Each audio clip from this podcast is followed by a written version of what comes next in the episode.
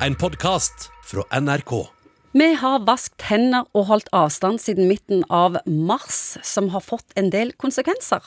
Mange negative, siden vi ikke får reise, jobbe sammen og på mange måter føle oss knebla og avsosialiserte. Men det har òg hatt ei oppside, Morten Munkvik. Vi er jo friskere fra infeksjonssykdommer. Hvor mye friskere? Jeg tror det er to ting. Det ene er at vi er nok blitt mye friskere, mye mindre smitte med forkjølelsessykdommer. Årets influensasesong var over på to-tre uker. Ja, Kanskje. Det vil jo vise seg etter hvert hvor fort det går. Men jeg tror en annen ting som òg har skjedd, det er at folk tar ikke så raskt kontakt lenger. Folk er like syke, men de bare kommer ikke. Ja, noen er nok eh, litt småskrale, men de tenker nei, dette, er jo, dette trenger ikke legehjelp til. Jeg tør ikke gå til legen med dette, fordi at eh, en, en holder seg litt unna. Og legekontorene vil jo heller ikke ha så mye folk rennende inn, fordi at vi vil ikke ha sittende folk tett i tett på venterommet og smitte hverandre i tilfelle det var noe snufs. Fortell om de oppsidene som dere har registrert. Folk er blitt mye mer bevisst på dette med smitte.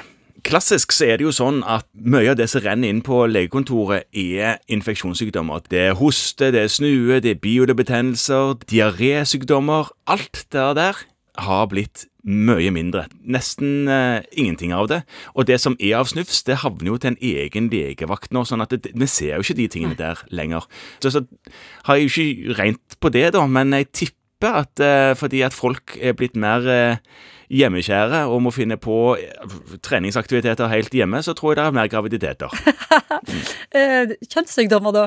Du, det tror jeg faktisk er redusert, de, de statistikkene jeg har sett. I alle fall når det gjelder gonoré, så er det redusert litt. Grann. Ja, går det an Altså, er korona kanskje en ørliten fordel? På en måte så kan du kanskje si at dette var en god vekker for verdenssamfunnet.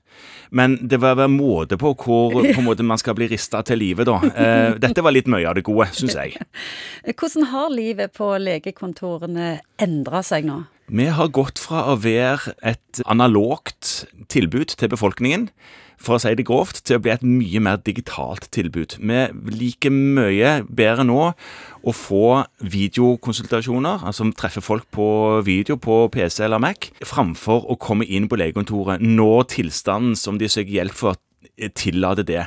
Det å snakke med folk om psykiske ting, kanskje, det å følge opp sykemeldinger, det å prate med folk om eh, det ene og det andre, det kan man gjøre på video. Det er ikke like god konsultasjon, men det kan man gjøre. Er dette varige endringer, uansett? Noen av disse tingene tror jeg er kommet for å bli som er bra, men en del ting må jo gå tilbake igjen. Man må jo kunne reise på kongresser og reise og treffe venner og kjente som bor andre steder i verden. Snart, når det kommer vaksine iallfall. Hvordan kan vi konkludere? Verdenssamfunnet har fått øynene opp for hvor sårbare vi er, og på hvor lånt tid vi lever her, og at vi er nødt til å ta på alvor infeksjonssykdommer og forsvaret vi har mot infeksjonssykdommer, f.eks. antibiotika, antibiotikaresistens, det burde blitt aktualisert nå. Vaksinemotstandere burde kanskje gå og kikke litt i egne kort. Mm. Og, og, det at man, eh, man er avhengig av hverandre, og at landegrenser betyr kanskje egentlig ikke så mye. Du har hørt en podkast fra NRK. Hør flere podkaster og din favorittkanal i appen NRK Radio.